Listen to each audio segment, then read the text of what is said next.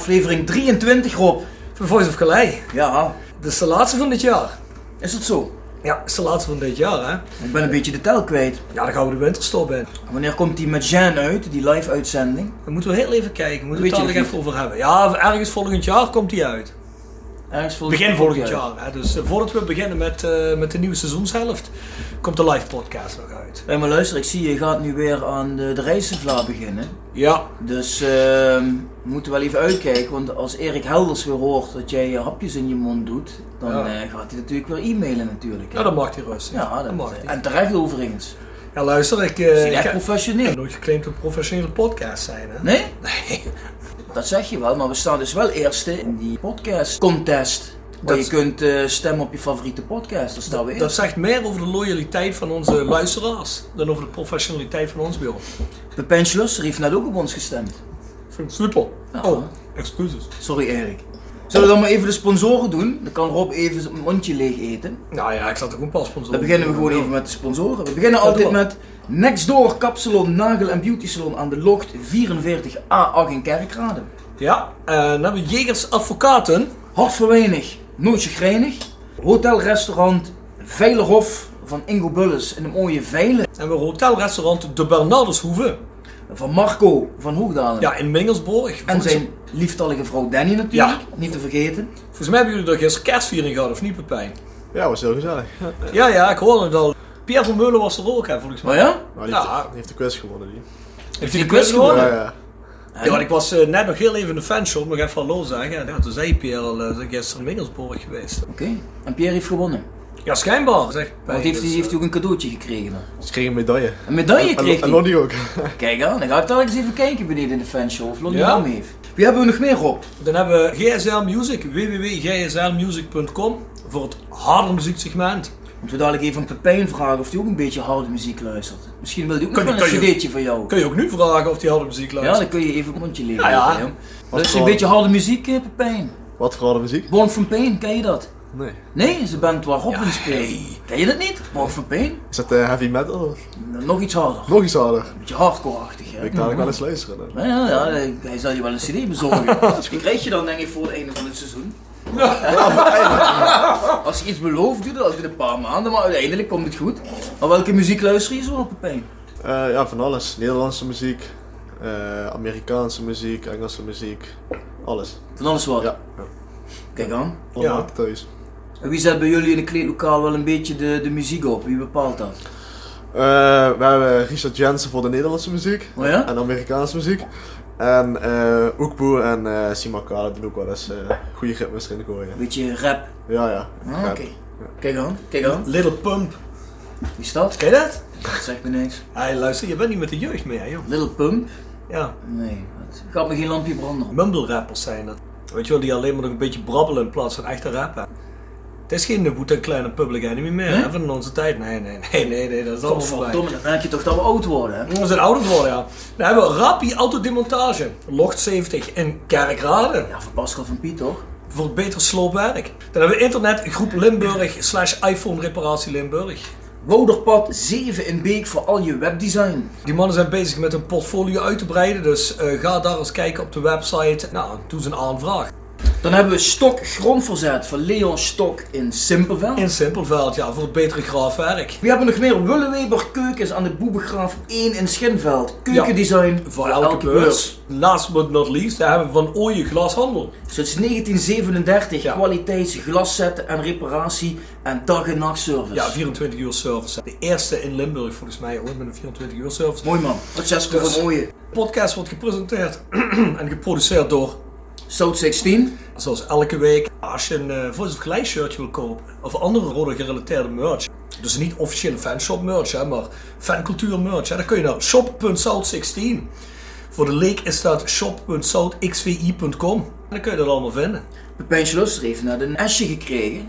Ja, We krijgen straks nog John Escher en Maurice Stelen, maar de- wordt geen asje. dat wordt geen Esje. Nee, Geen Asje.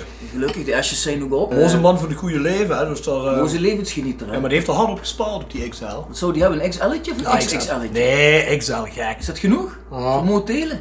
Ja, XL'tje. Oké, nou goed, gaan we straks zien later op de avond. Je wel, jongens rijden ook een stukje vla zo meteen. Dus, eh, Heb je vragen of opmerkingen? Mail dan naar thevoiceofcalhei@south16.com. Voordat we verder gaan, wij mogen van Roda twee tickets weggeven voor onze eerste thuiswedstrijd eh, naar de winterstop. En dat is Bjorn. Rode MVV? Roda MVV, de derby hè. Kun je twee kaartjes winnen voor of Oost of West. Mag je zelf kiezen. We zullen later in deze podcast nog aangeven hoe je kunt winnen. Je kunt trouwens die tickets kopen bij Roda. Online, 2,50 goedkoper op de website. En die kun je vinden onder eh, www.rodajc.nl slash tickets. En dan kun je tickets online kopen. Altijd 2,50 goedkoper als dat je ze in de kassa koopt. Dat loont zich toch, hè? Zou ik zeggen voor wel. Dus mensen, kom naar Roda MVV. Is de derby. Andere derby in Limburg is er eigenlijk Daar niet. moet je bij zijn, toch? Vind ik ook. Ik doe trouwens wel even Jordi Kroeks nog vragen. hè. Dat is wel leuk voor Rode MVV, dat we dan eh, Jordi Kroeks te gast hebben. Ja, dat zou ik kunnen doen, hè. Ja, zullen jullie dat nu wel aandurven, denk ik? Ja, we moeten hem vragen. Ja, Misschien kan uh, Pepijn Schlusser daar een beetje rol in spelen. Een beetje mediaten, een beetje het is- masseren, een beetje in de week leggen. Toch niet letterlijk, thuis. letterlijk masseren. Nee, figuurlijk. Nee, ja, Pijn zag het anders wel zitten, hoor. Die keek... eh, Is, is spelen. Pep eigenlijk je bijnaam? Ja. Want dat hoor ik vaker. Pep, Pep, Peppy, Pepper, Pepino. Pep, Pep, Peppy. Pep, Peppy, Pepino. Alles. Ja, dat is van alles. Mooi man. Eerder hoeven we niet de hele tijd Pepijn te zeggen. Zeg gewoon Pep en dan is het Zeg gewoon Peppy, Pep. Pepper. Peppy, Pepper, wat we willen. Mooi man. Zoals gezegd, dit is de laatste uitzending voor ook onze winterstop. En wij zijn terug op 8 of op 15 januari. Dat weten we nog niet helemaal zeker. En dat zal de live aflevering met Shan Hansen zijn. Eén van die twee gaat het worden. Hou het in de gaten. Ah nee, wij hebben ook recht op vakantie. Hè. We moeten er ook even tussenuit. Tuurlijk, je gaat naar Egypte, heb ik gehoord, hè, joh. Ik ga een weekje naar Egypte, ja. Ja, jongen, Met de vrouw. oh, Ik ga met je mee. Ga je ook? Ja. Wanneer ga je dan? Eh, vanaf de kerst tot aan eh, nieuwjaar. Ah, daar ben ik net naar je. Ik ga 4 januari tot 10 januari. Hoe gaat dat? Ja. Kijk eens aan, de heer hier. All inclusive.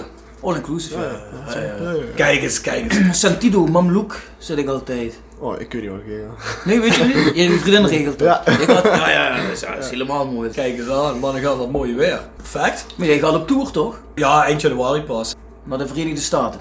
Verenigde Staten en Mexico. Godverdomme. Dan is ik helaas het eh, 30 jaar Kerkrade Aken vriendschapsfeest.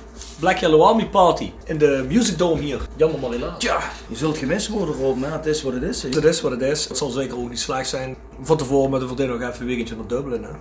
Met de vriendin. Ja, zeker. Ja, ik heb haar ontmoet. Ja, dat heb ik Bij de kerstborrel heb ik haar ontmoet, Naomi. Leuke meid moet ik Ja. zeggen. Hele Ja, spontane meid. Vriendelijke meid. Lieve meid. Ja, Leuke kijk. meid. Dat zou je niet denken, hè? Nee, ik had, eh, met ik had een hele ander type verwacht. Maar goed, ja, Pepijn Slusser. Onze gast van vanavond. Zonder een tijdje op de lijst, hè? Nou ja, ja. Ik had een tijdje met Pepijn gemessaged op Instagram. En nou, die prachtige grote Excelsior denk die moeten we hem toch erbij hebben. Die zat er goed in, hè, Pepijn? Ja, die zat er. eh, Mooi, eh, Het was een prachtige treffer. Ja, goed, dat kan iedereen gebeuren natuurlijk. liefst Eh, niet, maar. nee, natuurlijk. Ik geloof dat de trainer zei, afgelopen zat op de kerstborrel, dat gebeurt één keer in je carrière. Het gebeurt iedereen een keer. Ja. Ja, beter is het nu in het begin van mijn carrière. Dan, eh, Ja, beter nu ja. Ja, ja Kijk. zat, dat zat er goed in. Ja, dan beter met links kunnen nemen, denk ik, hè? Of kom je verkeerd Ja. uit of zo? Ja, ja, allebei, want die bal die viel zeg maar over eh werken. Was eh, redelijk snel en ik dacht, oh ja, die schiet ik met rechts weg. Dus heb ik eh, alle wedstrijden elke bal weggeschoten. En eh, ja, ik denk dat ik iets te veel naar binnen stond en ja, dan gaat hij er... eh, Nou, en hoe ga je daar vervolgens mentaal mee om? Want ik kan me wel voorstellen dat dat wel een tikkie is, natuurlijk. ja, ja, je zakt er wel even door de grond als je zo'n eigen goal maakt. Maar eh, daarna kreeg ik gelijk de bal aangespeeld vanaf de aftrap. En eh, ja, weet je, als je de bal weer daarna aanrijdt, dan is het eigenlijk weer vanaf nul beginnen. En dan moet je ook je knop omzetten van oké, nu gaan we weer verder. En helaas hebben we niet gewonnen toen. Of... Nee. Maar vergeet je dat ook dan aan? Dat moment in de wedstrijd. Nee, ik heb in de rust nog eh, tegen vier bidonnen aangetrapt in de kleedlokaal. Eh mijn excuses aangeboden aan de teamgenoten. Ja, tja, ja, je verpest, eh, of ja, je verpest niet ja, de wedstrijd dan, maar het wordt wel moeilijk. Eh, ja, dus ik heb al tegen iedereen gezegd van sorry, niet, eh, niet mijn bedoeling natuurlijk. En eh, we gaan weer eh, door. Maar je blijft er niet mee zitten of zo. Dat je denkt dat je de hele wedstrijd elke keer als je weer een verdedigende actie doet, dat je denkt van eh, fuck. Nee, nee, juist niet tegenovergesteld. Je wilt juist dan eh, je, ja, je fouten herstellen. Dus dan ben je nog meer, eh, ja, zeg je dat, eh, ja, Gemotiveerd. gemotiveerd inderdaad om eh du duels te winnen en zo. Ja. Ja, om dan meteen een bruggetje te maken, komt het dan van pas dat je psychologie studeert? Op zo'n moment. Ja, ja, je, ja, je weet wel natuurlijk van je moet je niet laten meeslepen in één moment. Je moet, eh, ja, een wedstrijd duurt 90 minuten, dus je kan niet daarna eh, ja, blijven, blijven, blijven nadenken over het ene moment. En, eh, maar, maar dat is wel leuk, want die opleiding ja, die geeft je ook tips om met, ja, depressies is het niet, maar met tegenslagen om te gaan en zo. Ja, Ja. Dus even, even vind je het dan gemakkelijk om dat op jezelf toe te passen? Of vind je het gemakkelijker om naar iemand anders te kijken als iemand anders in het team bijvoorbeeld er doorheen zit en dat je denkt van ja, zo zou ik eigenlijk een advies daarop geven of ik, ik zie dat zo. Of vind je dat even gemakkelijk bij jezelf? Nee, ik denk dat bij anderen makkelijker is. Want dan sta je echt er buiten af en dan zie je zeg maar, hoe iemand zich gedraagt. Eh, en bij jezelf is natuurlijk, je voelt je eigen, emotie en dan is het wat moeilijker. Maar eh, ja, zo simpele dingen als even, even rustig blijven, tot tien tellen. Vertrouwen weer eh, opbouwen met simpele ballen en zo. Dat, ja, dat helpt altijd wel. Ja. Hoe is het om eh, zo'n studie te combineren naast het voetbal? Is dat moeilijk? Nee, ik vond het juist, ik vond het juist leuk. Want door, die, door die studie dan heb je zin om te voetballen, want je bent natuurlijk aan het leren. En, maar bij, tijdens het voetballen is het ook niet leuk om, om de hele tijd ja, te voetballen. Zeg maar. dus, voetbal is leuk, maar als je elke dag met voetbal bezig bent, is het leuk als een beetje afleiding. En ik vond dat eh, die opleiding, ja, die gaf me de afleiding naast het voetbal die, eh, die ik nodig had. Wanneer ben je klaar? Eh, eigenlijk vorig jaar al, maar ik had een paar wedstrijden eh, op de dagen dat ik tentamen had. Dus eh, ik moet nog drie tentamens en dan, dan kan ik mijn eh, briefje ophalen. En als je Rob zo ziet, je moet hem een beetje analyseren. Wat denk je, welke stoornissen dat hij allemaal heeft? Maar één, één is sowieso. Narcisme? Ja, perfect. ja, Ja, is. Maar ik ben heel benieuwd, hij zei één al sowieso, zei hij. Eén zo, ja, nee, maar je Ja. begint te lachen, ja. Nee, ja, ik wist, nee, perfectionisme denk ik een beetje te Serieus? Ja? Ja. Want eh, ik zag hem net met die microfoon die hij niet deed. eh Ja. zat ik Ah, wel even ja. erin. eh, Maar dat is obsessief heet dat geloof ik. Ja, Hij is obsessief. met zaken bezig. Ja. ja. Ik heb wel een obsessieve trek. Als ik ergens eh, mee begin, dan wil ik het ook helemaal goed doen. Maar ik heb van Naomi ook wel een en ander gehoord. Maar dat Oh. was in vertrouwen, dus dat ga ik hier Ah, niet oké. delen. Dat is Want dat is ook niet psychologisch, hè? Jawel. Ik kan het niet meer helpen. Bij, je bent 21 jaar. Ja. Debuut voor Odyssey 1 heb je gemaakt in eh, oktober 2018 tegen Jong PSV. Ja, ja voor, eh, voor de competitie wel, ja.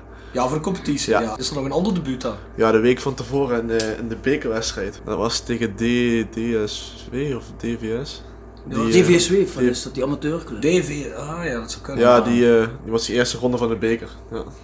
Maar heb je vorig seizoen één competitiewedstrijd gespeeld? Of heb je er toch Nee, meer? Ik heb eh, twee keer was ik in de beker ingevallen, ook bij Ajax thuis. Ja? En eh, tien keer heb ik nog in de, in de competitie gespeeld. Oh, Dus er zijn er een paar bij waar je echt eh, pas helemaal op het einde 90 ja, minuten zo ja, kwam. twee of drie jaar precies in de 90 minuten. En eh, een paar heb ik op het laatste had ik ook meer eh, echt gespeeld. Ja. Ja. Nou, je speelde voor Odyssey bij VV Amsterdam. Ja. Kom je ook in Amsterdam? Ik woon er wel, maar ik ben geboren in Hoensbroek.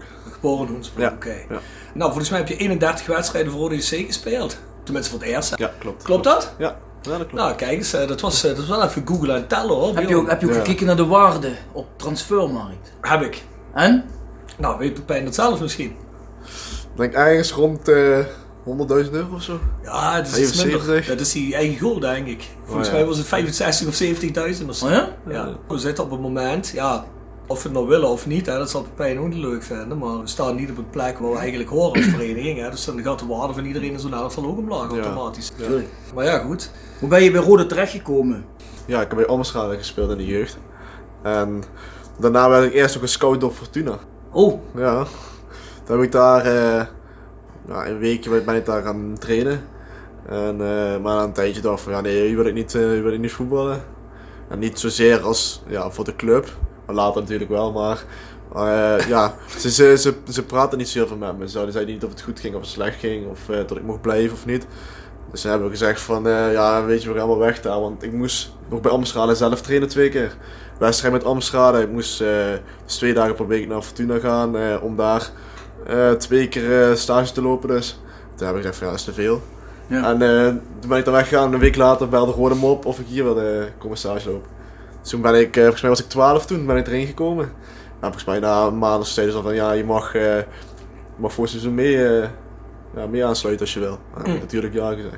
Oké, dus je speelt vanaf je twaalfde eigenlijk in de jeugd. Ja. En wanneer kwam bij jou dat besef van oké, ik kan dat eerst eh, halen? Want ik geloof, we hebben een keer hier met iemand gesproken, ik weet niet of dat, was dat Erik van der Leur? Of Martje Reemans? het Volgens niet. mij was het Erik van der Leur die zei dat je ook even een moeilijke periode hebt gehad. Waarbij je nog twijfelde Ja. of je doorging of zo. En toen uiteindelijk... Nee, dat eh, ging over Mart Reemans. Ging dat Nee, was ook over Pepijn. Ja, over Pepijn. Ja, ik heb ook wel een beetje zo'n periode gehad, ja. Ja? Ja, ik ben eh, ja, die jeugd doorlopen, het ging wel goed. eh, vaak aanvoerder, eh, de lichtingen doorgeschoven. En eh, toen kwam ik bij het tweede en toen was ik eh 18 jaar, dus net doorgeschoven van de A naar het tweede. En toen eh, speelde Roda Eredivisie en toen hadden ze een rechtsback nodig, of een tweede back. En eh, toen werd ik doorgeschoven naar het eerste. En eh, ja, ik merkte wel dat, ja, ik was wel tevreden voor mezelf, maar het was wel een hoog niveau. En eh, ik had nog niet op senior gespeeld bij het tweede. En eh, toen kwam ik dus bij het eerste. En eh, ja, merkte dat het een stapje te hoog was eigenlijk. Heb ik toch gewoon meegetraind. En ja, daarna kreeg ik een blessure aan mijn hamstring. Heb ik er twee maanden uitgelegen. En toen kwam ik dus weer bij het tweede om mijn training weer op te pakken. En toen merkte ik wel van ja, het is wel zwaar. Ik heb twee maanden niet kunnen voetballen. Wil ik ja, niet zeggen mee, wel mee doorgaan, maar wel van ja, dat is zwaar. eh, vind ik nog wel leuk genoeg. En toen zat ik dus bij Erik van der Leur en die heeft eh, nou, tegen me gezegd van ja, luister, eh, het hoort tijd bij je eerste wat langere blessure. Eh, gewoon blijven trainen en oppakken en dan volgend jaar sluit je weer bij het eerste aan als je het gewoon goed doet. En eh, ja, heb het dus gedaan en dat klopt ook, ja. Ja, wat, vanaf dit jaar ben je eigenlijk vast de eerste elft aan het spelen. Volgens mij heb je bij elke wedstrijd gestart ook, hè? Ja, ja. ja volgend seizoen alleen die invalbeurt en een paar op het einde. En nu eh, mag ik echt eh, starten, ja. Ja, want dat is een vrij grote stap. Van zo nu en dan invallen ga je meteen naar eh, eigenlijk vaste waarde in de elftal. Ja, Vond je dat gemakkelijk aankloppen? Dit, eh, of, dit jaar. Ja, of was het veel aanpassen? Nee, ik denk qua niveau kan voetballen en, techn ja, zeg maar, techniek en hoe je erin past, was het niet zo'n groot verschil. Want op het einde heb ik vorig jaar ook drie of vier gespeeld achter elkaar. Maar je merkt wel, kijk, als jij, ik heb nu eh 18 of 19 gespeeld eh, achter elkaar nu. En je merkt gewoon dat op een hoog niveau en elke week of per week twee keer spelen is soms vraagt het veel van je lichaam en ook mentaal. Dus eh, daarin ja, merk je wel van, eh, dat heb je nog nooit op dit niveau ge- gehad. Dat je elke wedstrijd moet eh, pieken, elke week of twee keer per week. En eh, dus daarom moet je wel ja, die ervaring krijgen van dat je gewoon elke week speelt op een hoog niveau. Merk je zelf ook dat er een stijgende lijn in zit? Ja, ja. Want in het begin van eh, dit seizoen hadden wij ook een paar oefenwedstrijden. Ja, toen ging het ook goed bij mijzelf, vond ik. Maar je merkte wel van, op conditioneel vlak, maar ook qua mm, techniek, eh, handelen en die dingen. Oh ja, je moet, je moet nog iets sneller eh, handelen, je moet ook iets sneller pasen. En dat was, ja, in de eerste vijf wedstrijden merk je, oké, dat, dat moet beter worden of dat moet nog ontwikkelen. En ik merk nu, als ik nu ga vergelijken met het begin van het seizoen, ben ik wel tevreden over eh, ja, hoe goed ik me heb ontwikkeld. Nou, ik geloof dat de trainer ook op de kerstborrel zei dat je goede ontwikkelingen had doorgemaakt. Ja, hij zegt het ook al eens vaker tegen me, dat hij vindt dat ik goed bezig ben. Ja, dat hij gewoon zegt van dat je goed aan het ontwikkelen bent. En eh, ja, hij zegt van ja, natuurlijk moet je op alle gebieden nog, of ja, nog perfectionisme creëren. Of je moet ja, iets eh, ontwikkelen of iets verbeteren. En ja, hij zegt gewoon dat het goed gaat. En hij geeft me ook punten aan waarom ik dat kan verbeteren. Ja, volgens mij ben je, tenminste wat ik kan zien, ben je van die jonge spelers hè, van, eh van Roda. Dus eh, laten we zeggen 22 en jonger ben je toch degene die op het moment zich het snelste ontwikkelt dit seizoen, vind ik. Hè. Met een goede, snelle, moderne back eigenlijk. Enige kritiekpuntje wat ik wel eens mensen wil zeggen is van ja, hij speelt goed naar voren door en eigenlijk. Maar verdedigend zal ze nu en dan wel een beetje beter kunnen. Wat zeg je daarop? Ja, ja, dat neem ik aan en dan gaan we weer verder. ja, nee, maar ja, ja, weet je, het klopt ook wel eh, sommige momenten. Want eh, ik ben natuurlijk niet de, nou, niet de grootste. En, eh, dus ik moet het van mijn snelheid hebben en van, mijn, eh, ja, van het draaien en, en ja, zeg je dat, de snelle bewegingen. En daardoor kan ik in de aanval heel makkelijk eh, combine- combineren of acties maken. Maar in de verdediging is het wel, als je een grote jongen tegen je hebt, of een spits die ze op jouw kant neerzetten, dan met de luchtduels, dan moet je ook slim zijn. Dat is ook een, verbeterpunt wat ik nu heb gezien. In het begin van het seizoen zou ik dan bijvoorbeeld tegen een spits van 1,90 eh een kopduel proberen aan te gaan. Maar nu weet ik van mezelf van oké, nu moet je misschien even een duwtje geven en achterstappen. Het, eh, zo nee. Dus eh, ja, maar het klopt wel. Ja, sommige dingen moet je beter, Ja. beter in worden. Maar kijk jij dan bijvoorbeeld ook naar, als je bijvoorbeeld zo'n zo'n elftal als Liverpool ziet, daar heb je natuurlijk twee eh, schoolvoorbeelden van eh, supermoderne backs. Bij Ja. zo'n Robertson en eh, zo'n Alexander Arnold. Ja. Een jaar of zo of twee jaar geleden werd er ook over gezegd, ja die jongens zijn verdedigend ook niet zo heel sterk, gaan van voren wel, maar die hebben zich ook een stuk meer ontwikkeld. Ja. Kijk je daar dan heen en als je, als je zo'n wedstrijd ziet, dan denk je van, daar haal ik iets van mezelf uit, want dan wil ik ook heen. Al is het maar eh, ja, 80% van dat niveau. Ja, zeker. Ja, ik kijk elke wedstrijd bijna van eh, Engels voetbal, eh, van Liverpool als ik het, als ik het kan zien. En eh, ja, die Arnold heet hij volgens mij, die rechtsback, Ja, die vind ik heel veel lijken op Dani Alves van vroeger. Een beetje hetzelfde type ook. En ik vond Dani Alves altijd mijn schoolvoorbeeld, schoolvoorbeeld, zeg maar. Want hij kon heel goed aanvallen, mooie traptechniek, slim en assist en zo. En hij had ook heel vaak kritiek, net zoals Arnold, van ja, verdedigend, moet hij misschien iets sterker worden of dit beter of dat beter. Maar eh, dan denk ik ook van ja, je, je, hebt mensen die zeggen van ja, je aanval is de beste verdediging. En dat zie je bij Liverpool nu ook, want die zijn eigenlijk continu aan het aanvallen. En, eh, Ja, dan zou je natuurlijk wel ook een elftal moeten hebben dat zo naar elkaar grijpt. Kijk, want als voor jou natuurlijk niet helemaal goed loopt, dan, Ja, eh, precies. ja, dan, dan heb je natuurlijk wel een probleem. Ja, dat is, dat is een teamsport natuurlijk. Maar bijvoorbeeld simpel als jij de hele tijd gaat aanvallen en die buitenspeler moet met jou meerennen, dan is die conditioneel misschien ook moe. En dan Ja. kan je iemand zo kapot maken. Ja. En, eh, maar ik, ik vind wel wat je zegt van, eh, ja, ik moet wel, aanvallen ben ik goed. Kan beter, kan altijd beter. En verdedigend eh, kan ik ook nog stappen zetten. En ik denk dat het ook daarom ook eh, goed is dat ik nu veel speel. En dan ja, kan je daarin natuurlijk. Nou, ik kreeg Ja, ik daar- denk dat dat ervaring inderdaad heel belangrijk Ja. Ik kreeg daar nog een opmerking over. Want we hebben ook een luisteraar uit Palermo, Giacomo Verigi. En Ja, die heb ik volgens eh, mij leren kennen laatst. Die is voor de kerst hier, hè? die is voor de kerst hier. Ja. Maar eh, ja, hij is fan van Palermo, maar hij heeft vroeger altijd in Simpelveld gewoond. En uit die Ja. tijd eh, groot rode supporter, volgt alle wedstrijden. En hij zegt, Pep, ik vind jou een prima voetballer. Want hij houdt met name van die aanvallende drive die je hebt. Alleen, hij heeft ook een vriend, Carlos. En daar kijkt hij altijd de wedstrijden mee en die focust zich meer op het verdedigen. En die zegt wel eens van ja, de verdediging moet wat eh, stabieler worden. Dus dat komt wel een beetje overeen met de analyse voorop, denk ik. Hè? ja, ik denk dat is wat Pep zelf zegt. Kijk, het eerste jaar, eh eerste Ja, helft tuurlijk. Roda? Tuurlijk. Hij zullen een stuk ervaring moeten opdoen. En ik denk dat Misschien goeie? Ja, dat is een van de jonge spelers die zich het, eh, het snelst is aan ontwikkelen, denk ik. Dus Ik vind in ieder geval dat, ze, is. dat hij daar gewoon eh, het hele seizoen moet spelen en eh, minuten moet maken. Want dan ga je ook wat rustiger in je hoofd worden, denk ik. Als je meer, eh, en dan weet je wat voor situaties gaan komen. En dan weet je ook, oké, als ik eens een keer een bal in het eigen doel trap, dan ja, de trainer laat me staan. Geeft toch wat meer vertrouwen, denk ik. En dan eh moet hij zich doorontwikkelen. Ja. En Ja, hoe zit je qua contract? Ik heb eh, dit jaar en nog een optie voor een jaar. Aan rode kant. Ja. Dus rode kant die ligt en dan lig je nog een eh, jaar vast. Ja. Heb je daar al iets over gehoord? Ja, ja, niet echt concreet. Nee. Ze hebben wel gezegd van, eh, de trainer wel eens van, eh, ja, we moeten wel eh, binnenkort eens gaan zitten of zo. Zo voor de grap. Want ja, iedereen zegt wel, eh, ja, ik wil, dit, ik wil nog drie jaar bij Roda zijn. om dus grapjes gewoon binnen de groep. En eh, ja, hij zegt van, ja, luister. Grapjes, willen jullie niet echt nog drie jaar bij Roda zijn? Wat is dit nou? oh, ik denk dat er genoeg jongens zijn die we zullen nog drie jaar bij Roda willen zijn. Ah, ja, goed, goed, goed. ik, zelf, ik, ik zelf ook al hoor, maar... eh, Nee, even check, even check. Nee, maar ja, weet je, dat is, dat is een eh, optie van Roda. Dus Roda heeft alle tijd en die, ja, als ze niks doen, dan wordt het gewoon gelicht. Dus eh, ja. Maar we ook niet zoveel zorgen erover. We willen graag op het... eh, Heb je wel een zaakwaarnemer? Ja, Bjorn is het Dat vis, is jammer. hè? Jammer, Ja, dat zou ik het is- kunnen zijn. Ja, Bjorn is advocaat, dus hij is het vis, hè? Dus als je- Verdomme. nou, als je iets leuks aan regelen, vind ik het... Ehm, zal eens even kijken wat ik kan ritselen voor je. Hè? Dan nemen we meteen onder contract. Ja, Dat is de eerste speler die we onder contract hebben bij Jegers Advocaten. Ja, Pepper Slusser. Ja. Pepperslas. Nou, wie weet. Pepperoni. Ja. Misschien als je op een van die tripjes naar de New York Islanders gaat, misschien dat je hem kunt slijten aan de New York Red Bull of New York eh, City FC. Misschien neem ik hem wel eens mee naar St. Pauli. Dat is ook een mooie club voor. Hou je niet zo van, hè? Is niet?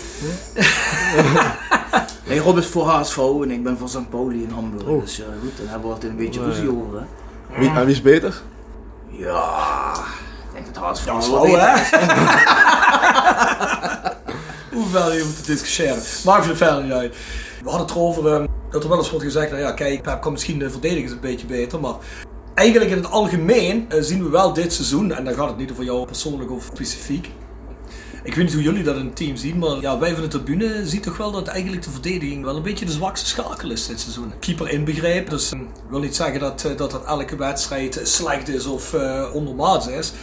Maar er zijn veel zaken die eigenlijk verdedigen volgens mij wel beter kunnen. Zie je het zelf? Wow, ik ben het niet zo heel mee eens eigenlijk. Nee? Nee. Want ja, uiteindelijk zijn wij de laatste, de laatste redmiddel zeg maar, om die golen tegen te houden. Maar ik denk als je zeg maar van boven als wij je kijkt ook altijd de wedstrijden met die beelden. En dan zie je eigenlijk zeg maar, uiteindelijk komt er bij ons de voorzet of diegene die schiet en zo. Dus dan ziet bijvoorbeeld uh, ik of Daryl of uh, iemand anders er misschien verkeerd of slecht uit. Maar ja, dus ook zeg maar, je moet ook als team kijken, want wij spelen een bepaalde tactiek of formatie dan. Maar waardoor, dat zag je bijvoorbeeld bij, uh, bij Cambio was dat, uh, die gingen dus ook veel vanuit het midden, achterin. Die speelden de bal naar de, uh, aan de zijkant van het middenveld, zeg maar. Mm. Een, beetje, ja, een beetje zonder tekening of zo kan je het een beetje lastig uitleggen. Maar ja. ze speelden vooral veel over de zijkanten. Mm. En wij spelen met een punt naar achter. Dus eigenlijk, we spelen redelijk aanvallen met twee naar voren op het middenveld. Uh, maar er moet Klaassen daardoor, zeg maar, achterin, of in het middenveld achterin, moet dus twee man dekken soms. En dat bespelen zij. Dus ze gaan dus jongens naar de zijkant laten lopen. En dan krijg je bij mij of bij uh, de linkerkant krijg je altijd een, een ondertal. Waardoor dus ja, je kan moeilijk te verdedigen op dat niveau een ondertal. Want dan word je uitgetikt. Of als je dan afstand neemt, dan kunnen ze heel makkelijk aannemen. En, en waarom verander je de tactiek dan niet? Ja, omdat ja, de, dit, dit systeem heeft voordelen, want op de counter dan heb je twee man voorin staan. Zoals bij, uh, bij NAC zag je dat. Dan mm -hmm. scoren we twee keer in de laatste 10 minuten. Mm -hmm. En ja, verdedigend is natuurlijk soms wat lastiger met, uh, ja, met ondertal aan de zijkant. En, uh, maar die andere, andere systemen hebben ook weer voor- en nadelen. Dus ja, dat is hoe, hoe je het wilt zien. Ik geloof dat ook wel natuurlijk. Ja. Elk systeem zal zijn voor- en zijn nadelen hebben. Maar ik zeg het alleen omdat er vaak, vooral door het centrum van de verdediging. Dan bedoel ik uh, niks ten nadelen van Derl of van, uh, wie staat er naast? Van Burg. Van Burg. Burg. Maar ik weet niet of dat in de afstemming ligt, of ik weet niet of dat er ligt dat dat ja. in het middenveld begint, of weet ik veel wat. ik had het dan met Derl Werker over afgelopen zaterdag, dat mij opviel dat tegen Excelsior en tegen Cambuur was het ook, en tegen NAC ook wel een beetje dat die centrale middenvelders voor de tegenstander eigenlijk altijd aangespeeld kunnen worden, open draaien. En dan gaat die nummer 10 een beetje tussen de linies bewegen. En ja, waardoor ze eigenlijk continu het middenveld in handen hebben. Ja, ja en Daryl zegt ja, dat komt omdat we met de punt naar achter spelen. Ja, dan denk ik van ja, maar ja, oké, okay, dan zul je toch op een gegeven moment iets op moeten gaan verzinnen natuurlijk. Want je wil ook niet dat iedere tegenstander hier je schil begint te tikken. Ja, dat is ook wat ik net zeg. Van ja, kijk, uh, soms zien wij er wat slechter uit als verdediging. Maar dat wil niet zeggen dat wij ja, het schuld zijn. Want ja, ik denk als mensen op het veld zelf uh, zouden staan, is natuurlijk wel makkelijk gezegd nu. Maar het is niet 1, 2, 3 op te lossen. Je kan niet uh, ja, zeg, de hele tactiek of zo opeens veranderen omdat het niet lukt. En dan komen zij er doorheen en uiteindelijk, ja, of het nou mak te makkelijk is voorin of het middenveld of achterin uh, niet goed gedekt wordt. Ja, uiteindelijk ziet dus wij of ja, Tom Muiters dan aan de goal, kan die dan slecht uitzien. Terwijl ik denk dat er ja, meerdere dingen dan aan het vooraf gaan altijd. Ja, ja, ja nou, goed, je bent natuurlijk een team. Hè. Het begint ergens natuurlijk. Hè. Het, zal ja. niet, het zal niet alleen uh, de verdediging zijn, maar het ziet er soms, uh, ja, zoals Bjorn al zei, komen soms de mensen ja, in het middenveld te veel vrij. Maar ik denk altijd, uh, druk gewoon eens, zelfs druk op die man. Of ja. Schuif eens door, zeg maar. heb ik altijd de neiging op de tribune. Maar ja, goed, ik ben geen groot ja. tacticus. Nee, ja, nee, dat, is, dat is heel lastig. Ja. Vooral de laatste wedstrijd die we hebben gespeeld, die toen zijn Cambuur. Excelsior zijn ook geen slechte tegenstanders. Dus je weet ook wel van, oh, we kunnen ze hier uitlokken of uh, moeten ze zo en zo bespelen. Nou, die, dus dat is, uh, die, die hebben er ook wel de kwaliteit voor misschien. Maar hoe los je zoiets dan op in het veld? Is dat dan als je dat ziet gebeuren bijvoorbeeld zo tegen Cambuur en tegen Excelsior en Robert Klaas komt tegen twee man te staan of uh, is altijd in de, in de minderheid. Hoe los je dat dan op? Ja, daar hebben we ook besproken onderling, ook met de trainer en zo. En hij zegt van, of wij vinden dan, gewoon ook als uh, speler zelf ook, dan moeten we het aanpassen. Dus dan uh, draai je het middenveld om of... Uh, je, ja, of hij wisselt of weet, andere spelers neerzetten. Een andere tactiek. En dat hebben we ook een paar keer gedaan tegen de Graafschap hebben we toen gedaan. Toen hebben we de tweede helft gedomineerd tegen Ajax hebben we het afgelopen, afgelopen maandag gedaan. En ja, dat ging ook goed. Dus daar hebben we wel een oplossing voor. Dus hopelijk ja, je hebt liever dat het gewoon vanaf het begin al zeg maar, uh, gelijk zo loopt. Zeg bijvoorbeeld tegen Ajax hebben we het ook gedaan, dat is toen opgelost. Uh, ik heb zelf de wedstrijd niet gezien overigens, moet ik eerlijk bekennen.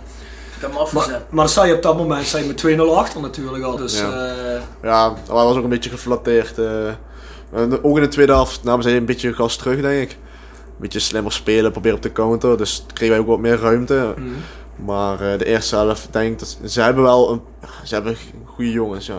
Ajax is Ajax. ja, uiteraard. Maar eh, ja, als je denkt, als je de kansen gaat tellen, kwamen zij volgens mij op drie echte kansen uit. En wij ook. Maar waarbij wij de eerste helft, denk ik, vijf, zes countermogelijkheden hebben gehad. Om echt, eh, echt gevaarlijk te worden, één op één of twee op één. En dat ging allemaal net fout. Ja. En ik denk, eh, ja, als dat goed ging, eh, had je met 1 of 2-0 voor gestaan. Ja, want dat is ook een beetje Ja. het probleem van Roda, behalve dat de twee grote, hè, daar heb ik het niet voor mezelf, maar de twee grote kritiekpunten die er zijn, is van ja, verdedigend lijkt het soms niet zo heel sterk.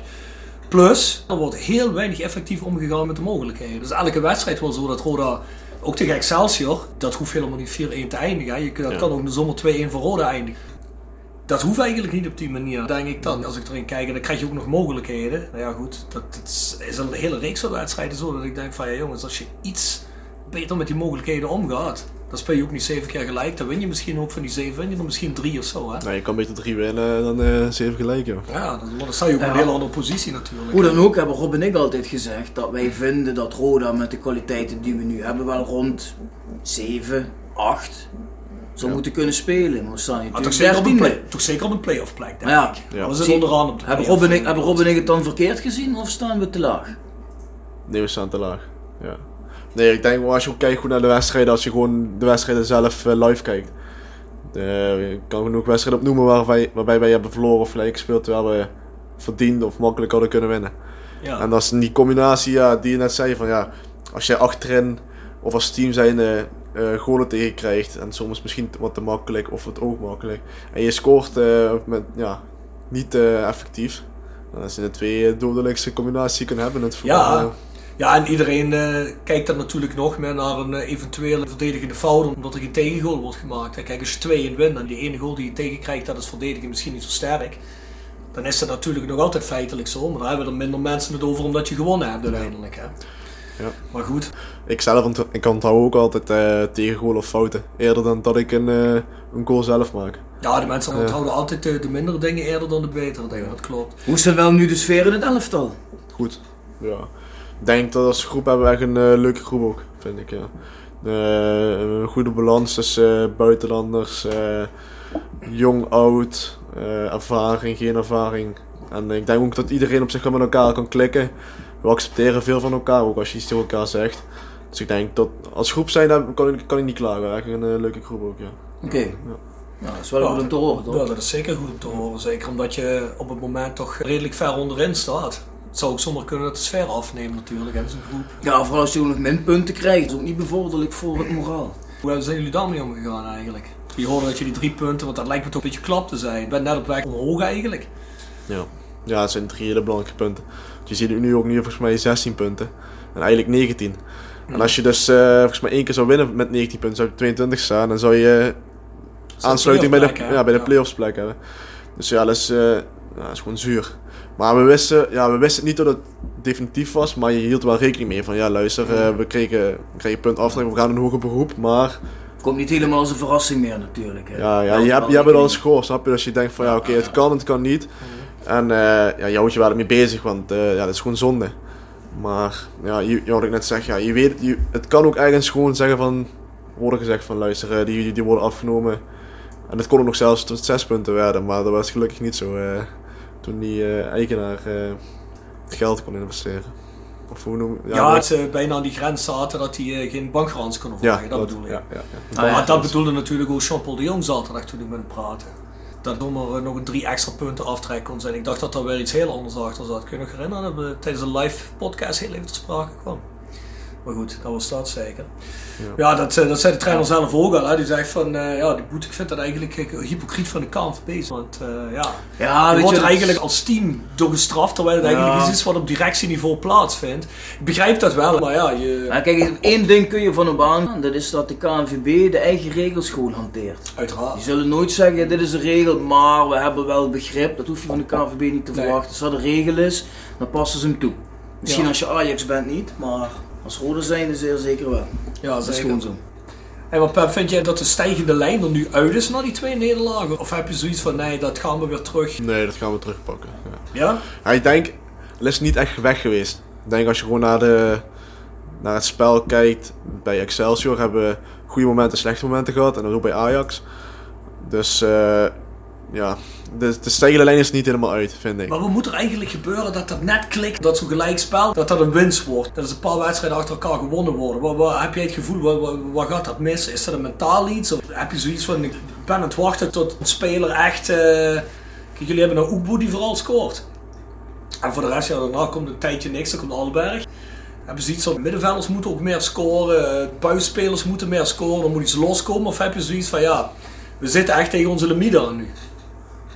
Nee, ik denk juist eh, tegenovergestelde. Ik denk dat eh, heel veel spelers nog meer, of niet meer kunnen brengen, maar eh niet simpel als ja, een Kroeks.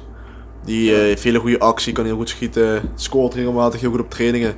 Dat is altijd Maar- dreigend. Ja, en dreigend. En in wedstrijden weet je tegenstander die gaat met twee man erop staan. Eh Alberg die kan heel goed schieten, afwerken, alles. Maar daar gaan ook dus ook twee man op staan. Dus eh, dan moeten ook nog andere spelers opstaan eh, als de rest wordt gedekt. Ik zag laatst trouwens op Twitter zag ik een artikel deze week over Kroeks en over Roda. Met de strekking dat Kroeks eh, bij heel veel doelrijpe pogingen betrokken was. Dat het eigenlijk relatief veel pech is dat hij pas één keer gescoord heeft. En dat het een kwestie van tijd zou moeten zijn voordat hij los is en vaker gaat scoren. Mhm. Als je gaat kijken naar statistieken. Ja, Ja. goed, het moet natuurlijk wel nog gebeuren. Ja, eh, het lijkt wel iedere wedstrijd of hij er tegenaan zit te hikken. Want hij zorgt wel altijd voor gevaar. ik heb dat ook gelezen. Ja. Volgens mij 63 eh, kansen gecreëerd. Ja, zoiets ja. Maar in ieder geval dat het heel onlogisch was dat hij pas Ja. zo weinig gescoord had. Maar ook, we hebben ook als, als team over gehad. We hebben eh, dus die statistiekman natuurlijk. En eh, als je naar de kansen gaat kijken, hoeveel gemiddeld wij zouden moeten scoren dit seizoen tot nu toe. Dan zouden we volgens mij rond de 30 eh, moeten zitten. We hebben er volgens mij 21 gemaakt. Dus 8 doelpunten eronder. En als je kijkt naar andere tegenstanders, die hebben allemaal... ehm bijvoorbeeld Ajax heeft er 48 volgens mij gemaakt. Maar die houden gemiddelde kansen 30 of zo. Dus ook 35. Maar die, ja, die zijn heel effectief, dus die scoren alles wat ze hebben. En bij ons, eh, met de statistieken, waar ook dat artikel over ging, is dat we heel veel creëren, dat we ja, dat ook goed doen. Mhm. Maar dat dus ja, net de effecti- effectiviteit of, de, of het geluk of zo dan eh, ontbreekt. Ja. Ja, je dat heb ik- dat heb moeilijk ook-. Dat heb ik ook zonder statistiek gezien vanaf de Ja? tribune. Dat ja, het, eh, maar jij bent ook wel heel intelligent. Je hebt wel heel veel verstand van het spelletje. Dat heb ik. Hey, moet het doen met dat soort artikelen. ja, dat begrijp Dat ik. die- dat die- de- de Nee maar, dat bedoel, nee, maar dat bedoel ik zo niet. Maar je, je kunt het ook gewoon wel zo zien dat je denkt, oh, verdomme man, die had het toch eigenlijk echt ingemoeten nu, hè? Ja, oké, maar er waren wel een paar wedstrijden dat, dat, dat ik gewoon dacht van, ja, dat ik achteraf dacht, je hebt toch wel vrij kansloos verloren. Of Ja, dat zijn- Excelsior, Cambuur en... Ik ben in dingen geweest, Nou, ik vond in, in Excelsior- Eindhoven bij Jong PSV, maar dat vond ik ook niet best. Ik vond Excelsior eigenlijk helemaal niet zo... eh tot Dordrecht, Dordrecht had je wel moeten winnen natuurlijk. Ja, Ja. Dordrecht. Ja. Qua kansen. ja, ik zou zeggen, het, het, het killer, ins- killer instinct. Ja. Maar ook eh, als verdedigers, ook dat killer instinct. Gewoon van eh, alles voor die bal weggeven, zeg maar. Of alles eh, zodat je die tegengoal kan voorkomen. En ik zeg natuurlijk, iedereen wil een goal voorkomen of een goal maken. Maar dan is ja, wat je zegt van als je één keer scoort en het loopt, dan eh win je soms met 4-0. Maar als het niet, niet erin gaat, dat zie je ook op tv vaak of eh, bij andere wedstrijden. Als het niet erin gaat met pech, dan valt hij eerder niet dan dat hij wel gaat vallen. Ja, ja. Dus, Hoe gaat de trainer om met dat killerinstinct? Want hij was eigenlijk vroeger als speler bij uitstek wel iemand die dat had. Hè? Hamert hij daar veel op? ja, ja. Ja, als, eh, als wij iets aangeven van eh, we missen dit of we missen dat of eh, we, we merken dat dit nog beter moet, dan gaat hij daar ook gelijk mee aan de slag. op trainingen of met beelden. En ja, dus ik, ik neem ook aan dat het een kwestie van tijd is dat het bij ons echt, echt gaat lopen. Ja. Want ja, we hebben ook zeven wedstrijden of acht wedstrijden toen niet verloren. Maar ja, dat is wat ik zeg, ja, je, dan heb je zeven of vijf gelijk gespeeld. Je had beter twee kunnen verliezen en drie kunnen winnen, bij wijze van spreken. En dat is dan zeg maar gewoon dat, ja, dat extra risicootje wat je daarin in het spel misschien moet leggen of als eh, speler. Ja. Maar we gaan dus wel nog de play-offs halen als het aan jou ligt. Ja. ja. Het, is, eh, het, is, het is moeilijk, maar als je kijkt naar de ranglijst, het staat nog heel dicht bij elkaar. En eh, ik denk als je gewoon een goede periode hebt waarin je veel kunt winnen, dan ga je ook goed klimmen. Ja. Maar jullie hebben niet het gevoel in de groep, al, dat seizoen is eigenlijk al gelopen of zo. ons al... eh, Nee, helemaal niet. Want ja, want het fijne van deze league is dat je gewoon eh, vier periodes hebt. Dus Ja. je kan eh, de eerste periode of de tweede heel slecht zijn. En in de derde periode win je hem, of de vierde win je hem. Dus ja, Ja. ja, dat is... Wat trekken jullie dan als team nou in zo'n periode waar het eigenlijk net niet loopt? Trek je dan dichter bij elkaar? Steun je elkaar meer? Of begint iedereen meer individueler te worden? Dus meer op zichzelf te laten kijken, wat kan ik zelf beter doen? Of trek je echt meer naar elkaar toe? Elkaar steunen, proberen elkaar te helpen? Nee, mentaal of... eh, nee, nee, wat ik net ook zei, we hebben een, eh, een heel leuk team. Dus ik merk nu ook dat iedereen, ondanks dat het misschien nu even wat lastiger is, omdat je eh, nou, niet veel hebt gewonnen, eh merk dat iedereen gewoon wat meer naar elkaar toe gaat. Eh, maar in ieder geval niet verder van elkaar af. Dus ze blijven gewoon hetzelfde doen als we normaal doen.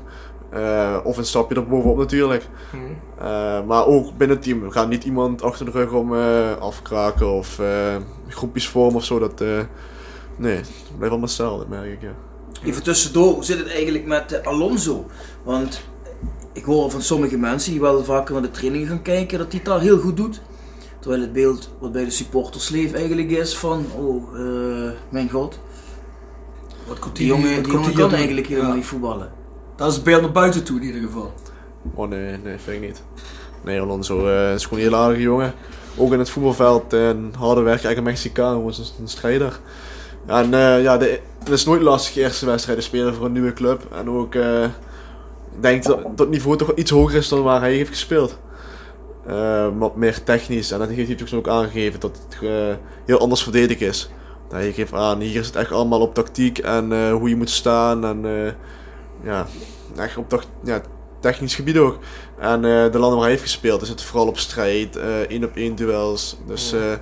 ja, daarin moet hij ook ja, een, een omschakeling maken. En ik merk ook, wat, wat je net zei, op de training gaat steeds beter. Dus, eh, ja. En het kan ook natuurlijk zijn, eh, west, in de wedstrijd is het altijd anders dan een training. Dus misschien zien we hem toch nog wel eens een keer in een wedstrijd. Dat zou ook nog wel kunnen. Dat zou maar kunnen. Nou ja, hoop dat. eh Dat zou maar kunnen, ja.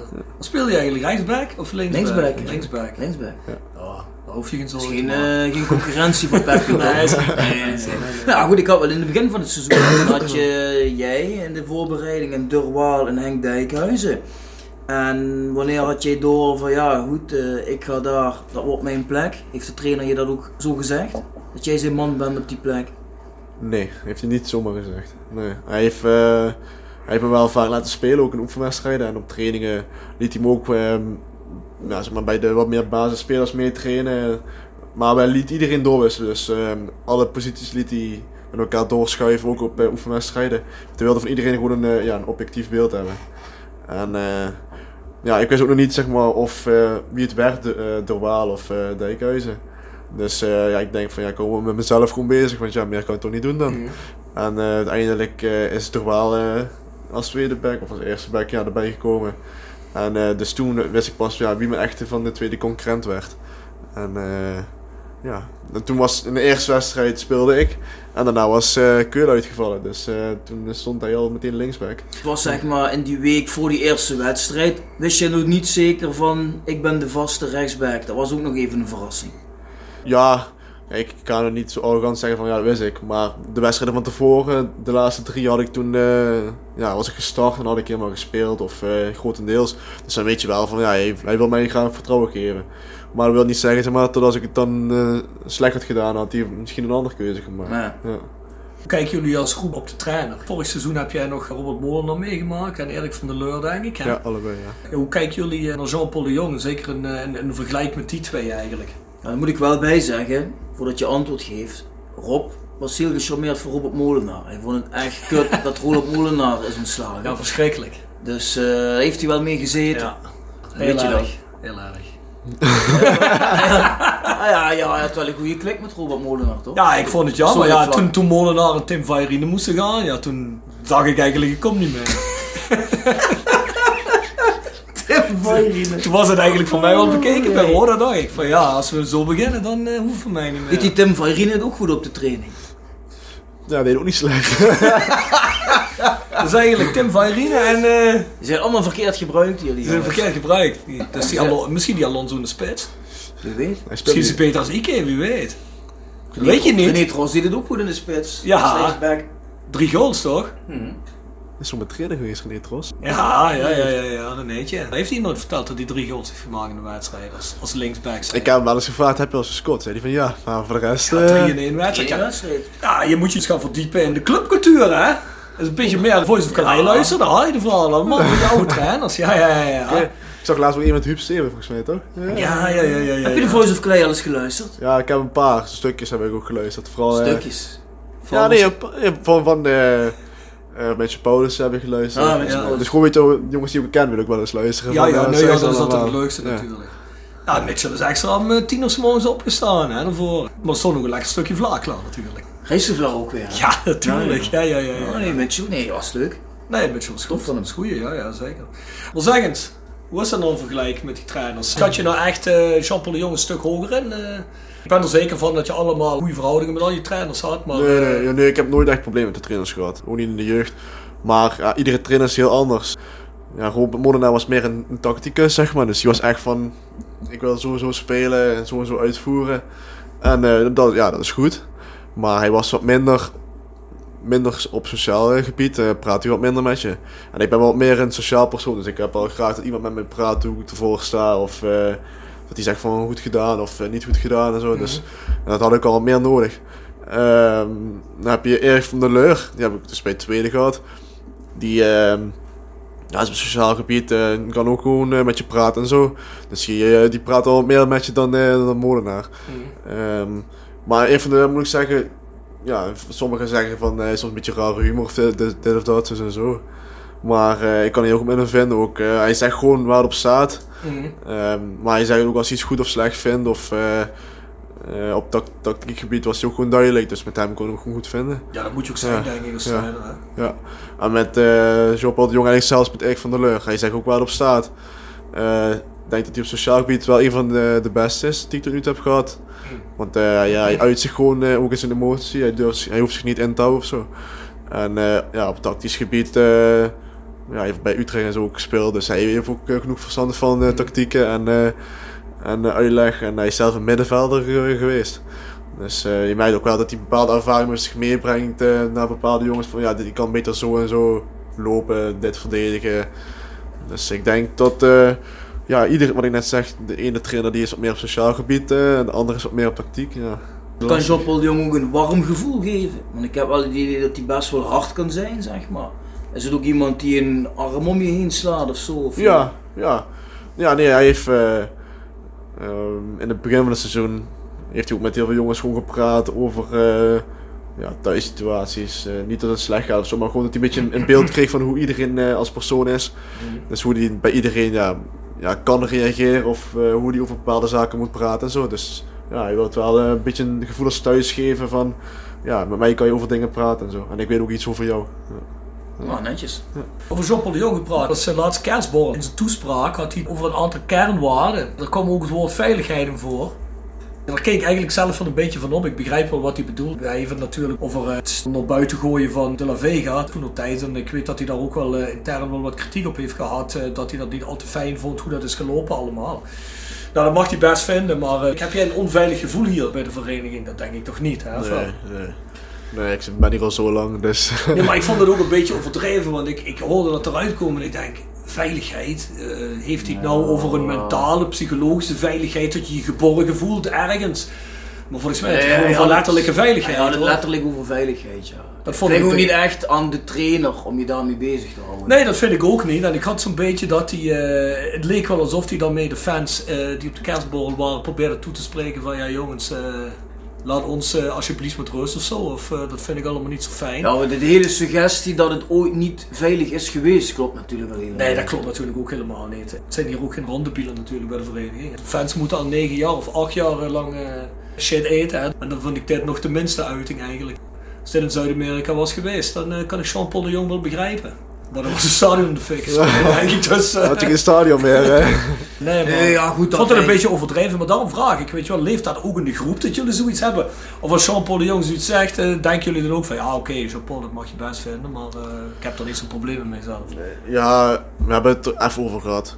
Gewoon dat we samen bespreken van ja, hoe vinden we dit. Eh, en ik snap ook al wat hij bedoelt te zeggen. Als ik, als ik het goed begrijp, gaat het ook meer om van... Dan komen dus supporters die boos zijn, misschien wat gedronken hebben of zo naar binnen dan hier. En eh, ik kan me ook best voorstellen als hier dan kinderen lopen of zo, of eh, mensen in de buurt die, het, ja, die dat eng vinden of zo, dan begrijp ik het wel, ja. Dat, ja, dat, dat hij het over veiligheid heeft. Maar eh, ja, moet je zeggen, kijk, ik weet ook, die sporters gaan niet zomaar mensen aanvallen of zo. Of die willen een statement maken. Dus ik zeg niet dat het goed of fout is of dat, dat Mhm. het gevaarlijk was of zo. Maar ik zeg alleen, ik begrijp allebei de... Als ik het goed begrijp, begrijp ik allebei de standpunten. Dus van de trainer van ja, dit gaat om de veiligheid. Dus niet per se van de La Vega, maar gewoon van de mensen eromheen. En van de supporters. Die willen gewoon op een normale manier eh, met hem dus praten en eruit zetten. Ja, dat is natuurlijk wel zo. Kijk, ik ken Rob al heel lang hè, en hij is op zich altijd een heel aardig, relaxed persoon. Maar rond wedstrijden voor Rode heeft hij vaak gesnoven. En dan, dan word je toch een beetje bang van hem als je hem dan ziet. Nou, luister, Ja, dan gedronken wel. Gedronken wel, ja. Ja? En ja, ja, snel van nee, dat laten Nee? komen? Nee, nee, nee. Oh, dat is mijn informatie incorrect. Nee, maar ik denk dat je me verwisselt met jezelf. dus, eh ja, die Bjorn heeft cliënten. Dan krijgt hij goede deals, joh. Ja, lekker. Korting, hè? Ja, korting, korting. Hè. Nee, maar je snapt wel een beetje wat ik bedoel toch? Van, eh, ja, Zeker, Ja. ja. Ja, zeker. Daar hoef je verder ook niks meer over te zeggen. Maar ik vond het zelf frappant dat een trainer daarmee kwam, terwijl het eigenlijk voor iedereen om de club heen, misschien behalve voor hem, een non-issue is. Ja, vooral omdat het ook inmiddels een gesloten boek is. Het boek is ook maar heel even een half uur open geweest, hè? Als we het daarover hebben. Dat is even toen hij naar onder gebonjourd is en eruit gebonjourd is en dat was het. Maar jij vond het natuurlijk ook wel een hele mooi hoofdstuk van het boek. Ik vond dit een prachtig hoofdstuk van het boek. Want, nee, maar, nee, maar Nee, ja, nee, waarom? nee, maar waarom? Omdat het volk laat zich niet meer bezeiken, weet je wel. Het is eigenlijk genoeg geweest. Ik bedoel, wij betalen, dat is duidelijk. wij betalen hier allemaal geld om, om voetbal te komen kijken. Tuurlijk. Alleen Jean-Paul de Jong was natuurlijk wel vrij close met de La Vega. Ja, een goed. wat ander perspectief. Nee, goed, dat Ja, begrijp als ze ik. mij eruit zetten, dan zou je natuurlijk ook heel, eh Ja, maar heel boos zijn. Ja, maar dan ga ik op barricade, hè. Ja, daarom. Dan ga ik wel regelen dat die anderen er ook wel uitgezet worden. Ja, hè, Bjorn. dan kom jij weer terug. Ja, dat bedoel ik. Via de achterdeur. Dan zou jij het ook altijd over veiligheid hebben. Ja, ja, dan zou je altijd over veiligheid hebben. Maar merken jullie eigenlijk iets van het nieuwe bestuur, de nieuwe overname? Merken jullie daar iets van of krijg je er eigenlijk helemaal niks mee? Jawel. Ik heb eh, Herman een paar keer gezien, ook gewoon binnen het stadion. Ja. Even mee gepraat. En eh, ja, ik vind, ja, ja. En ik ken, eh even denken weer. Van de, ja, ik weet niet hoe je de stichting moet noemen, die nu ook die aandelen samen ook wat meer hebben. FSU heet dat toch? FSU? Ja, die ken ik ook een paar van. eh Dionne Wiers, eh, nog een paar andere. Dus eh, ik ken die mensen die er zitten en daar heb ik ook wel vertrouwen in. En eh, die praten ook met, met je. En ook met iedereen open. Dus eh dat vind ik ook wel wat fijner dat je gewoon weet wat er een beetje speelt dan eh, iemand die hier zit. En ja, daar weet jij niet zoveel van. Wordt er ook naar de selectie gecommuniceerd wat de plannen voor de toekomst zijn? Of, of is er eigenlijk nog helemaal niks over gezegd? Jawel, we hebben ze de eerste week toen het dus naar buiten kwam, hebben we ze gesproken, hebben ze zich voorgesteld aan de groep. Eh, hebben ze dus even simpel gezegd, ja luister, wij zijn het nu voor de komende tijd. We weten niet hoe of wat er gaat gebeuren. Eh, maar we zijn open en tran- transparant met elkaar. Eh, ja, dus dat, ja, dan hebben we alleen even voorgesteld en voor de rest weet iedereen dus niet wie wie is. En praten kan je als je wil. Maar qua ambitieniveau, zeg maar voor volgend seizoen, bij wijze spreken van we willen top 5 spelen, of we moeten promoveren, of we willen kampioen worden. maar. Is het daar nog te vroeg voor om die ambities uit te spreken? Heb je intern nog niet gehoord? Van de nieuwe bestuur. Ja. Nee, nee ja, ze hebben gezegd van we willen gewoon de club eerst gezond maken. Of de goede richting op, goed beleid, eh, rust in de club, eh vaste gewoon groep spelers, maar ook van mensen eromheen. Eh, denk dat dat de voorkeur nu heeft. Dat je gewoon weet van wie het bestuur is, eh, hoe het beleid is, dat er niet dadelijk eh, allemaal weer rare dingen gebeuren. En dan is het natuurlijk gewoon weer opwerken naar, ja, naar play-offs minimaal denk ik dan. Ja. Ja, dat denk ik ook. Ja. Bjorn en ik altijd zeggen, het is nu rustig, er zitten al mensen. Dat zal de toekomst uitwijzen hoe goed dat gaat worden. Hè? Ja. Ik persoonlijk ben er altijd een beetje terughoudend, of in ieder geval vanaf toch de jongste geschiedenis terughoudend. Want we hebben al twintig keer gezegd dat het nu wel goed zou komen, dan kwam het nooit. Dus ik moet het heel even zien, kijk, ik kan het de boom. Maar waar we het wel heel erg over eens zijn, is in ieder geval, er is nog helemaal geen voetbalkennis in het nieuwe bestuur. Ik weet niet of dat verder doorwerkt naar jullie toe, maar eh, je zult toch ook graag een, eh, misschien een technisch directeur willen hebben waar je ze misschien... eens bij kunt gaan zitten en kunt praten over bijvoorbeeld een, een contractverlenging. Hè? Want dat zal toch niet in de portfolio van de trainer zitten, neem ik aan. Hè?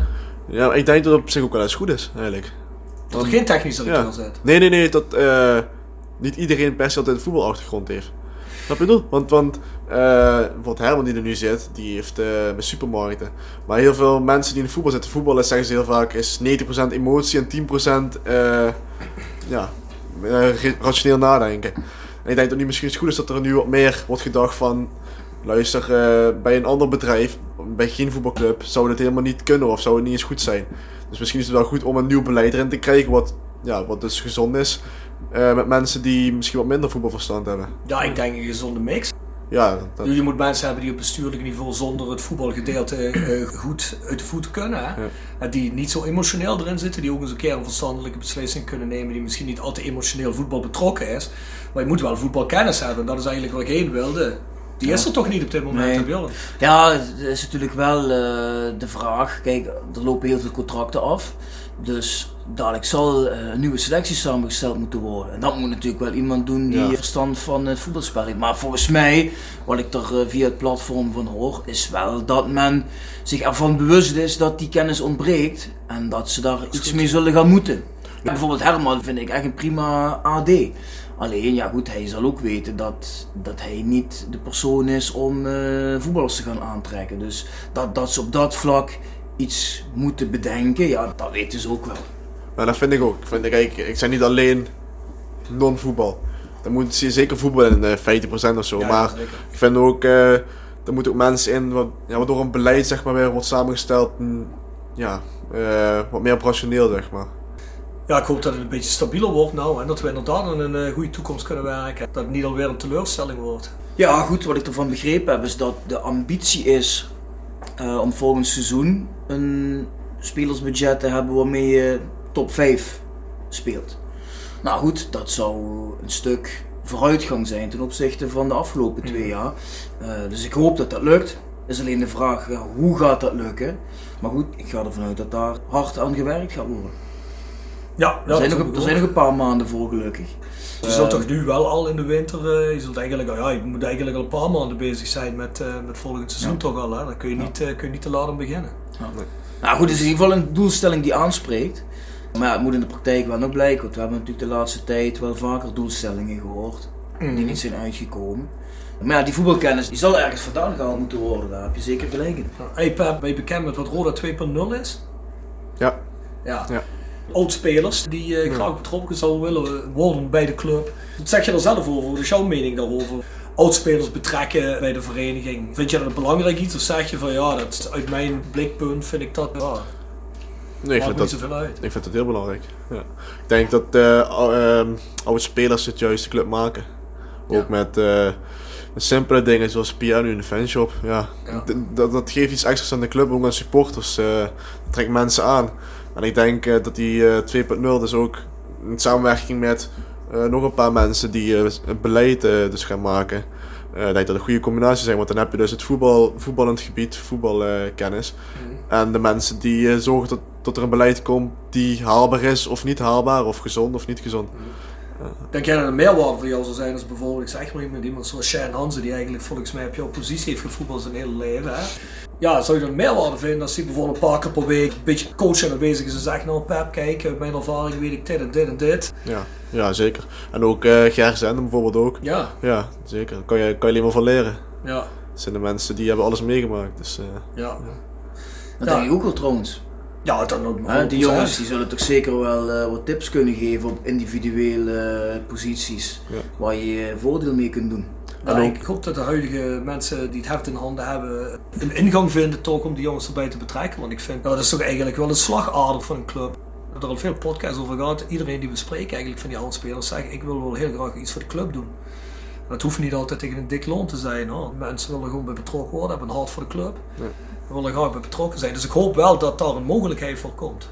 ik heb altijd Marco van Hoeda als trainer gehad in de jeugd.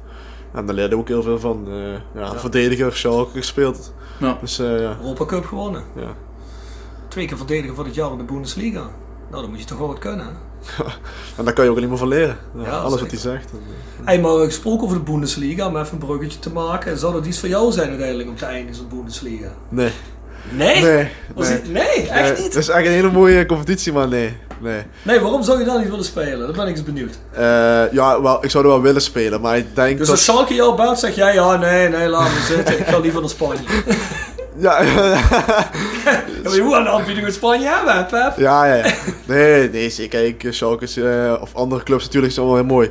Maar ik denk het voetbal zelf. Het is toch wat meer op, op kracht, eh, ja, ja, wat meer op eh, lange ballen of... Er wordt toch ook heel modern gevoetbald door een aantal Ja. verenigingen in Duitsland. En toch maar, ik denk als ik als, als ik een competitie ga vergelijken, denk ik dat Engeland en, en Duitsland toch wat meer fysiek is. Mhm.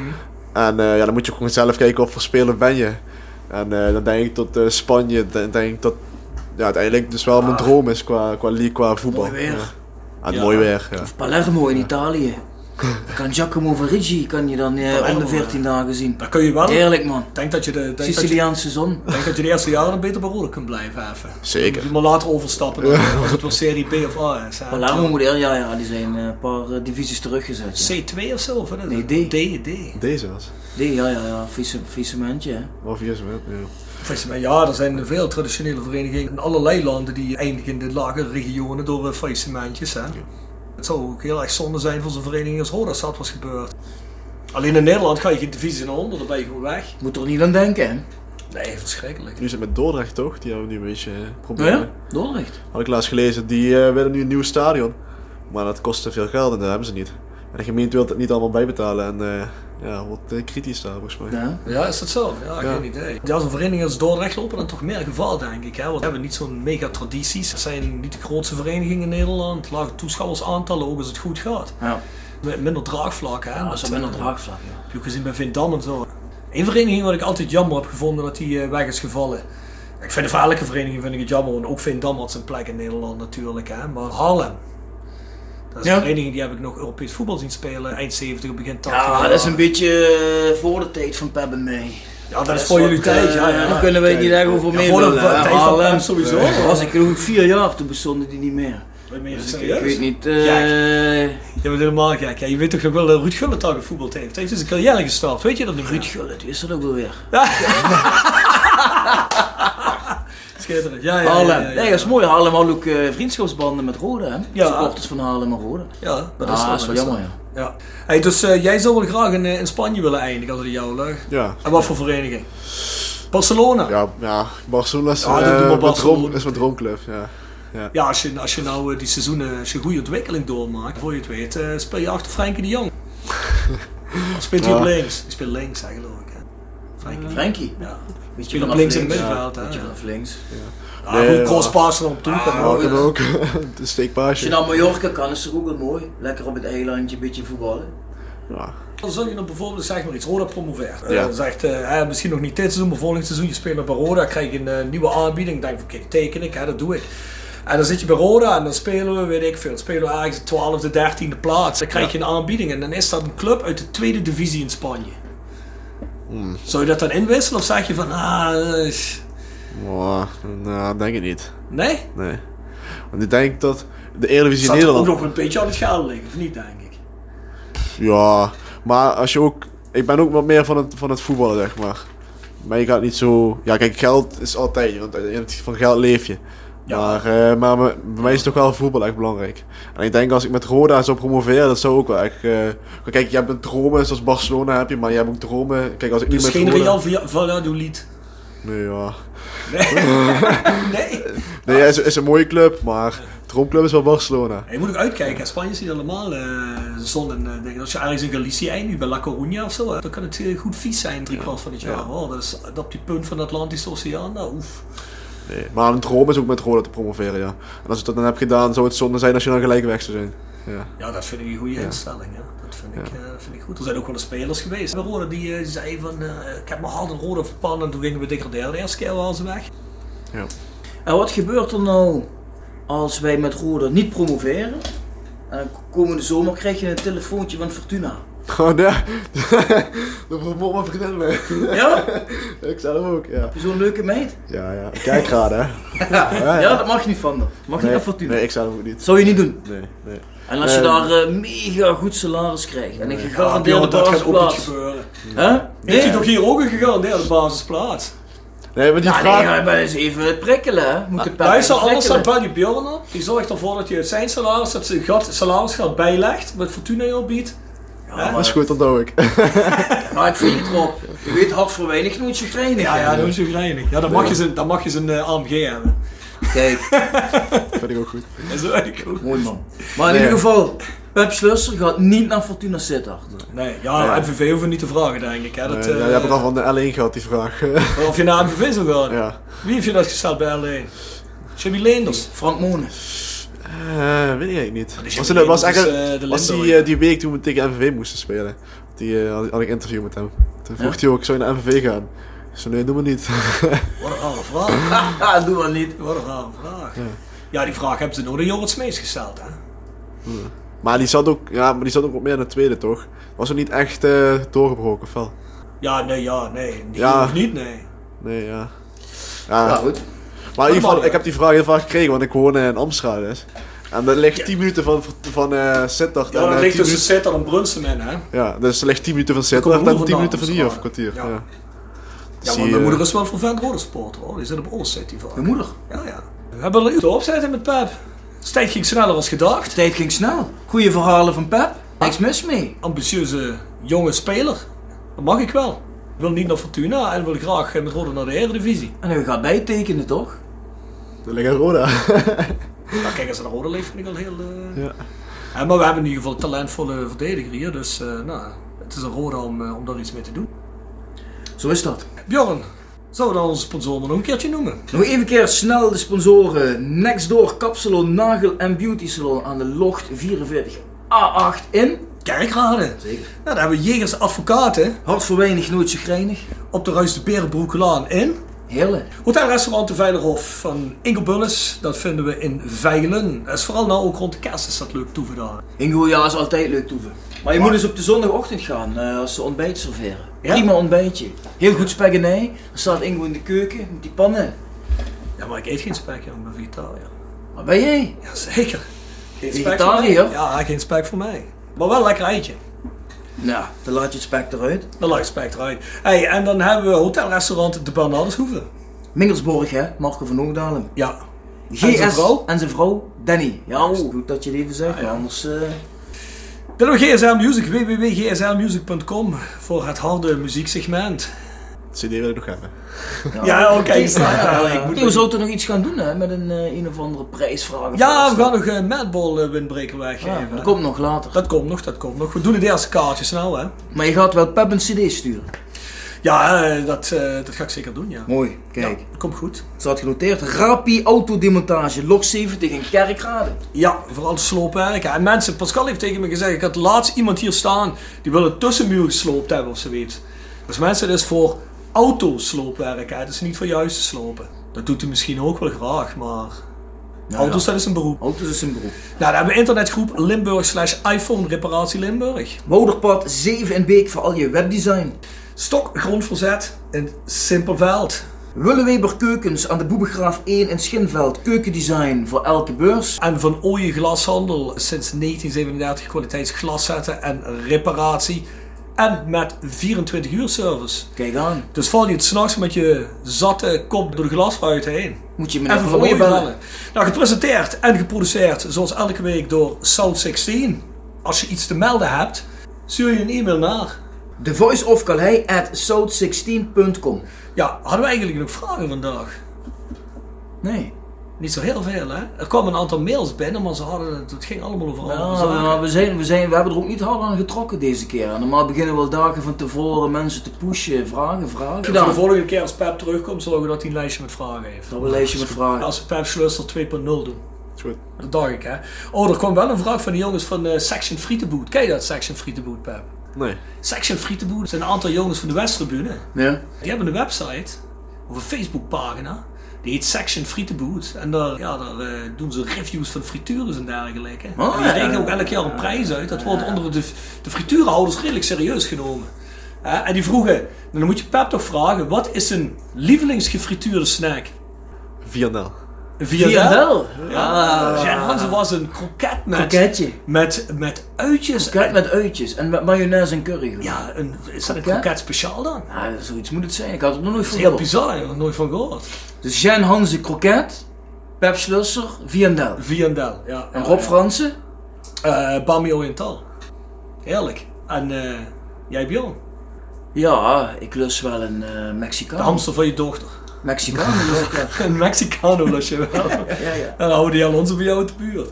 Nou, als je nog geïnteresseerd zou zijn voor een shirtje te kopen voor de podcast, voor andere rode gerelateerde fancultuur merch, dan kun je het doen op shop.south16.com. En dan kun je het vinden. Zo is dat. TVK shirt is maar 15 euro. Pep Schlusser heeft er net die gekregen. Die zegt, die gaat hem eh, Instagram hè. Ja.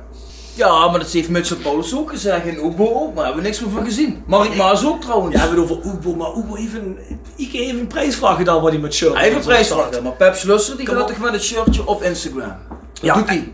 Hey mensen, trouwens, hoe kun je die twee rode MVV-tickets winnen? Dat weet ik niet. Hoe dan? Dat kun je winnen door naar thevoiceofcalhei@south16.com een e-mail te sturen. Ja? En dan willen wij de simpele informatie in hebben. Hoeveel goals heeft Pep Schlusser gemaakt voor Roda 1? En als je dat weet, de juiste oplossing hebt, verloten we onder de winnaars een tweetal tickets. Verloten we gewoon eh, allebei tegelijk, dus je kunt die winnen voor jou en een persoon die je mee wil nemen. En dat is dan competitie en beker. Wat competitie en beker. Spelen we ook tegen MVV voor de beker? Nee, je zegt hoeveel goals heeft Pep Slusser gemaakt? Ach zo bedoel je? Ja, ja. natuurlijk. Ja, alles samen. Alles samen. 31 wedstrijden Roda 1 hebben we net vastgesteld. Dus eh, ja, begin maar te zoeken. Dat is hem. We bedanken Pep Slusser. En jullie voor het luisteren. Tot, Tot ziens. volgende week.